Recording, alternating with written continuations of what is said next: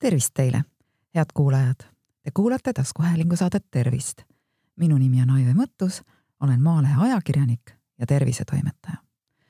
täna hommikul on nii ilus ilm ja nädalavahetuseks lubatakse koguni kakskümmend neli kraadi sooja. mida soojemaks aga ilmad lähevad, seda tõenäolisem on, et varsti ilmuvad välja sääsed. puugid aga on juba ammu liikvel. ja sestap ongi tänase saate teemaks puukide poolt levitatavad haigused. kasutan saates artiklit, mille kirjutasin mõned aastad tagasi, kui vestlesin sel teemal Lääne-Tallinna Keskhaigla nakkushaiguste osakonna juhataja või nakkuskeskuse osakonna juhataja Kersti Kinkiga. refereerin ka ühte ERR-i teadusportaalis Novaator avaldatud artiklit. esmalt aga vaatame, milliseid haigusi üldse me putukatelt saada võime tuntumaid putukad siis, kes haigusi, haigustekitajaid siirutavad, ilus sõna, eks, on sääsed, puugid, kärbsed, liivakärbsed ja kirbud. ja need on siis valdavalt verd imevad putukad, kes haige või haigustekitajaid kandma inimese või looma pealt toitudes imevad koos verega endasse ka haigustekitajad. ja järgmisel toidulaual maandudes kannavad nad saadud haigustekitajad üle ja nakatavad siis niiviisi ka terveid inimesi. siirutajatekkelised nakkushaigused on üldiselt ähm, raske kuluga ning ähm, tõsiste tüsistustega, äh, moodustades kokku üle seitsmeteistkümne protsendi kõigist äh, inimese nakkushaigustest maailmas. igal aastal nakatub äh, siirutajatekkelistesse haigustesse üle kogu maailma üle miljardi inimese ja neist sureb kahjuks üle miljoni. peamistest äh, siirutajatest sääsed kannavad näiteks inimestele malaariat, dengepalavikku, kollapalavikku, Jaapani entsefaliiti, lääneniiluse ja Zika viirusnakkuse tekitajaid.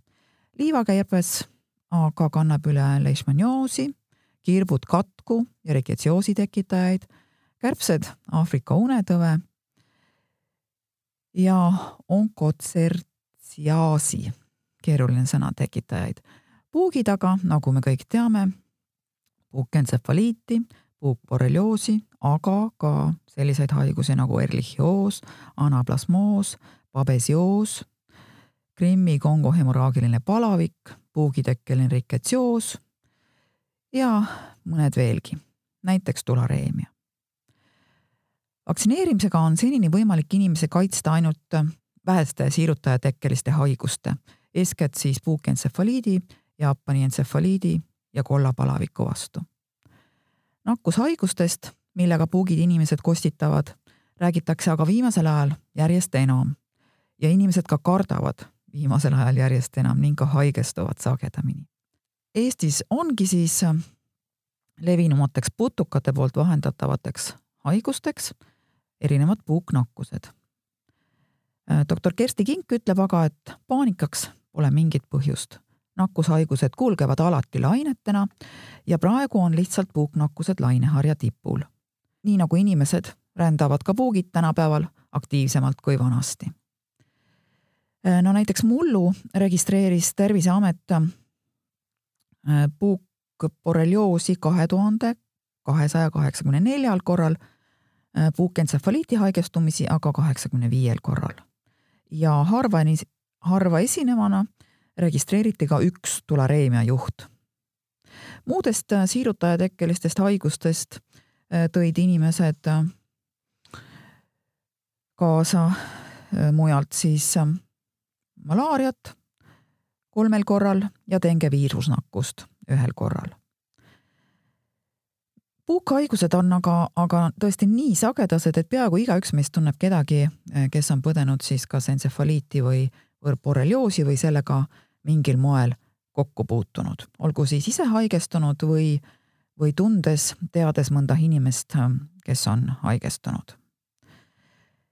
kuid nagu ma ütlesin, on Eestis liikvel eh, lisaks puukborrelioosile ja puukentsefaliidile kolmaski puukide poolt levitatav haigus ja selleks on tulareemia ehk jänesekatk. tegemist on siis äh, ägeda bakteriaalse nakkushaigusega, äh, mis puukide vahendusel loomadelt inimestele kandub. Euroopas esineb tulareemiat Soomes, Rootsis, Hispaanias, Balkani maades ja loomulikult ka Eestis, nagu ma ütlesin juba.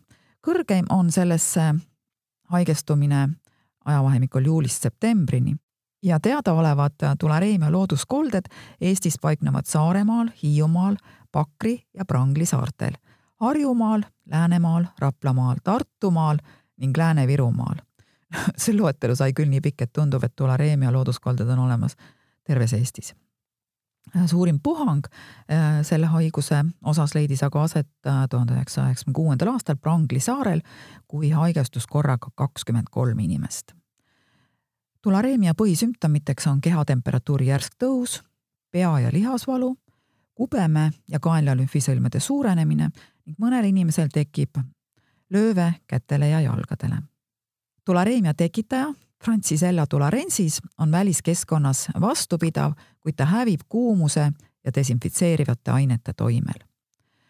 haigustekitaja kandjateks looduses on erinevad närilised, jänesed, küülikud, ondatrad, koprad ja teised.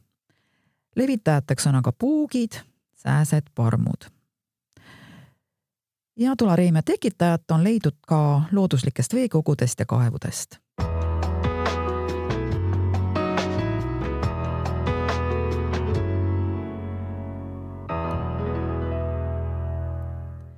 mida siis teha, kui te oma kehalt puugi leiate? no kohe räägime sellest. Oma kehalt puuki leides peaksite esmalt mõtlema sellele, kas te olete end entsefaliidi vastu vaktsineerinud. kui kaks süsti on tehtud, on teil selle vastu, siis selle tõve vastu kaitse olemas ja muretsemiseks pole põhjust, ütleb doktor Kink. kui aga olete vaktsineerimata, tuleb ennast vähemalt nädal aega jälgida sest kohe ei juhtu mitte midagi. vereanalüüse on mõtet teha alles teisel ja isegi ka alles kolmandal nädalal pärast puugikontakti, sest varem ei näita need mitte midagi. ja entsefaliit ehk ajupõletik saabub justkui gripp kiiresti ja ägedalt. pea- ja lihasvalude ning kõrge palavikuga umbes nädal pärast puugihammustust lisaks võivad sellega kaasneda tasakaalu ja nägemishäired koos lihaste halvatusega. ajupõletikku ehk siis entsefaliiti tekitab viirus, mida puuk eritab inimese verre süljega, siis kui ta oma saesarnased tundlad meile nahka lööb ja sinna kinnitub. ja üldiselt, mitte üldiselt, vaid tegelikult nii ongi, et entsefaliit on haigus, mis ei saa märkamata jääda. kui teil pea lihtsalt natukene tuikab ja valu paari päeva jooksul mööda läheb, siis tavaliselt ei ole tegu puukentsefaliidiga puugi poolt põhjustatud peavalu on väga-väga piinarikas ja kestab kaks-kolm nädalat. Lastel esineb aga sagedamini hoopis meningiiti ehk ajukõlmepõletikku. väikelapsed põevad seda haigust. harvem haigestumus laste seas tõuseb eelkoolieas ja koolilastel. puukentsefaliidi vastu spetsiaalset ravimit ei ole. ravida saab ainult haigusega kaasnevaid haigusnähte enamik haigetest vajab vägede kulu tõttu haiglaravi ja paranemine võtab aega kuid. Ja ainus hea asi selle väga tõsise haiguse läbipõdemisel on see, et tekib eluaegne immuunsus ning vaktsineerimisele enam raha kulutama ei pea. küll aga on vaktsineerimine tõesti soovitav, kui te ei taha kõike seda õudust oma nahal läbi elada. samas vaktsineerimine on suhteliselt kallis, üks vaktsiini annus maksab kolmekümne viie euro ümber ja esimesele annusele peavad mm, ühe kuu pärast järgnema teine ja kaheteistkümne kuu pärast kolmas. Edasi tuleb vaktsineerimist ühe annuse kaupa iga kolme kuni viie aasta järel korrata. lapsi võib vaktsineerima hakata aastaselt, kuid arstid soovitavad alustada vaktsineerimist siiski kolmandast eluaastast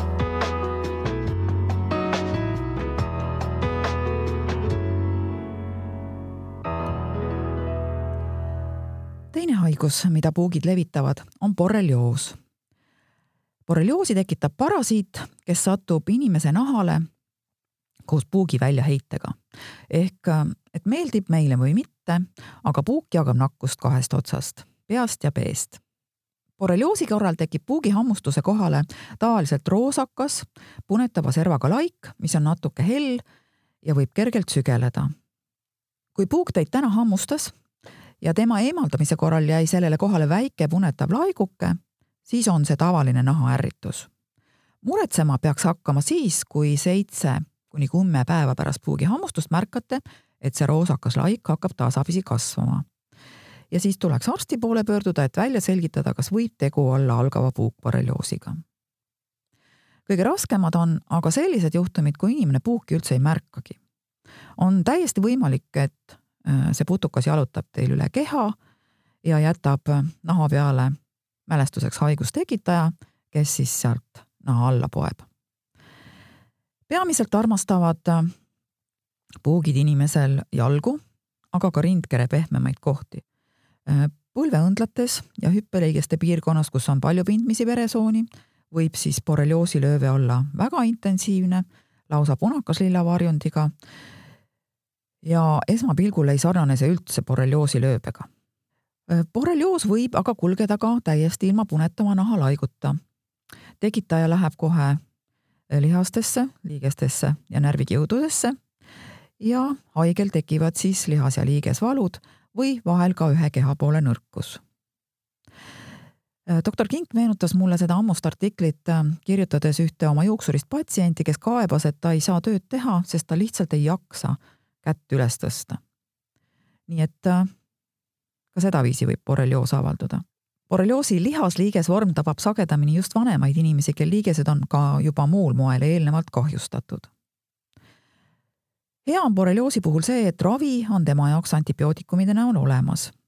selleks peab aga siiski kannatust varuma, sest ähm, tõsine tabletikuur kestab kolm-neli nädalat ja närvivormi ravitakse haiglas ning selleks tuleb kannatada ära süstid.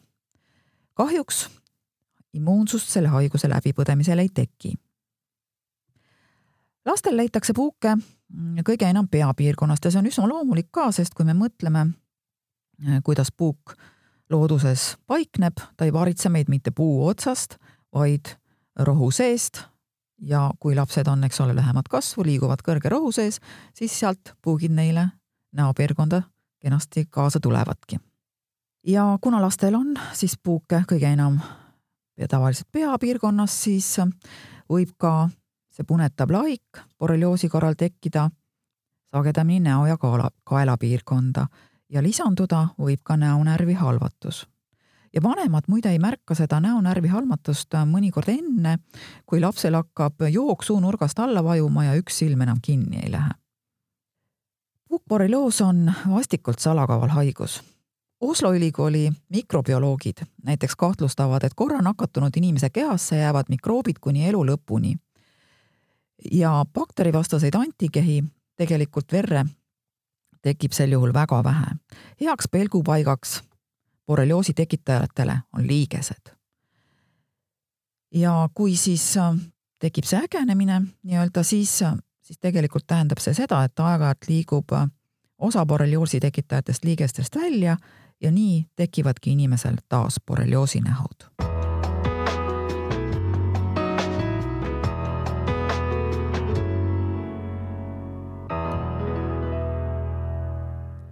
see, mille alusel puugid oma ohvreid välja valivad, pole lõplikult selge.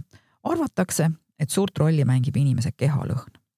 näiteks doktor Kink äh, kirjeldas mulle juhtumit, kui vastuvõtule tulid pruut ja peigmees, kes olid ööbinud Aegna saarel. Äh, mehnahalt korjasid arstid ära kolmkümmend pruuki, naisel ei olnud mitte ühtegi, ometi magasid nad ühes telgis. nii et puukide eelistusi on, on ka arstidel väga raske kommenteerida küll aga soovitavad nad enne metsa minekut inimestel ennast puhtaks pesta. jah, sest siis äh, pesete ju oma kehalõhna maha ja lõhna asemel, äh, lõhnaõli asemel siis kasutage puugitõrjevahendit. Pärast looduses käiku tuleb aga alati oma keha üle kontrollida ja seljas olnud riided teistest eraldi panna. sest ka riietelt võib puuk tuppa uitama sattuda. ja see pole üldse mingi ime, kui saate ka linnast endale puugi. sest linna on kolinud ka puukide vaheperemehed, rebased, jänesed. ka kassid on head puukide paljundajad. selleks, et puuk inimese nahal kinnituks, peab ta eelnevalt kolmel korral mõne vaheperemehest imetaja verd olema imenud. ja, ja see puuk, kelle te oma nahalt mõnikord kinni püüate, võib olla ka nii väike, et seda õieti ei märkagi. ma tean juhtumit, kus arstid kirjeldasid mulle, et nad vaatasid kolmekesi imiku nahal olnud puuki luubiga ja, ja alles lõpuks siis otsustasid, et jah, see on puuk. Nüüd üks kummaline asi veel, väga sageli võtavad inimesed arsti juurde minnes kaasa ka nahalt eemaldatud puugi. arstid aga puuke ei ravi ja sestap ei ole mõtet neid ka kaasa võtta sinna. ja no seda ei maksa ka arvata, et entsefaliit ja borrelioos oleksid mingid uued haigused. Neid esines ka eelmisel sajandil, kuid hoopis vähem ent naabritega võrreldes võime öelda, et Lätis on olukord umbes samasugune nagu meil entsefaliidi ja borrelioosi osas. Leedus on haigestumus mõnevõrra väiksem, Soomes on see pea olematu, Rootsi lõunarannikul aga taas meiega võrreldav. nüüd mida arvata apteekides saadaolevatest puukborrelioosi äh, kiirtestidest? kui usaldusväärseks võib neid pidada? teste tootva firma tootejuhi sõnul annab äh, test inimesele kiirelt esmase tulemuse äh, ja näitab seda täpsusega üheksakümmend üks protsenti, kuid äh, soovitavad nad siiski pärast testi tegemist konsulteerida arstiga. Lääne-Tallinna Keskhaigla nakkuskliiniku infektsionist Leelo Moosaar ütleb, et kiirtest annab siiski vaid mingi orientiiri.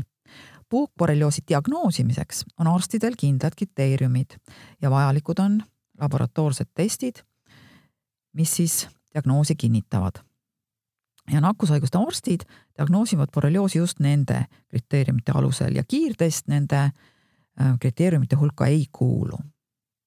Tartu Ülikooli meditsiinilise mikrobioloogia ja viroloogia professor Irja Lutsar uuris koos sisekliiniku arstidega Saaremaal puukborrelioosi diagnoosi saanud inimesi ja sajast kelle verest leiti borrelioosi antikehi, olid klassikalised borrelioosi sümptomid olemas ainult kahel. Ja ta väidab, et see ei ole loogiline, eriti arvestades, et Saaremaal on haigestumus siis mitmeid-mitmeid, koguni peaaegu et sada korda kõrgem kui mujal Eestis. ja see uuring viitab, et ainuüksi antikehade puhul diagnoosi panemine võib anda valesid tulemusi. Eestis on palju metsa, me kõik oleme puukidega ühel või teisel moel kokku puutunud seega on ka antikehad paljude inimeste veres olemas, kuigi nad ei pruugi kunagi olla puukborrelioosi haigestunud. kui diagnoos pannakse ainuüksi antikehade põhjal, siis on sellel professor Lutsari sõnul kaks ohtu. esiteks määratakse antibiootikume siis või võidakse määrata antibiootikume neile, kes seda ei vaja palju ohtlikum on aga see, kui liigesvalude või üldist väsimust kaebava inimese verest leitud antikehade põhjal pannakse talle puukborrelioosi diagnoos, kuid mingi tõsisem haigus jääb seetõttu avastamata. Eestis elavad kõige haigemad puugid Läänemaal ja Saaremaal. Ida- ja Lääne-Viru omad on nendega võrreldes palju tervemad. ja seda näitab inimeste haigestumise statistika. no mida teha, kui leiate oma nahalt kinnitunud puugi? otse loomulikult äh, tuleb see eemaldada. ja peamiseks reegliks selle protseduuri juures on õrnus. pigistada puuki ei tohi, sest nii võite oma nahale pigistada siis sellest putukast välja tema väljaheite ja sellega koos ka borrelioosi tekitava bakteri. võtke rahulikult, õrnalt, pintsetidega puugist tema kaela juurest kinni ja tehke selline järsk pöörav liigutus naksti ja tõmmake ja puuk tulebki välja. kui juhtub, et puugipea jääb naha sisse, siis ärge sattuge paanikasse, jätkegi see sinna. organism tõukab selle hiljem ise välja. Head kuulajad, te kuulasite taskuhäälingu saadet Tervist. saate leiate Delfi podcastide pesast tasku, nutirakenduste Spotify, Apple Podcasts, SoundCloud ja teised. hakake jälgijaks ja kuulake just teile sobival ajal ettepanekuid teemade kohta, mida saates käsitleda, ootan teilt e-posti aadressil tervist at maaleht.ee. minu nimi on Aive Mõttus, olen Maalehe ajakirjanik ja tervisetoimetaja. tervist teile!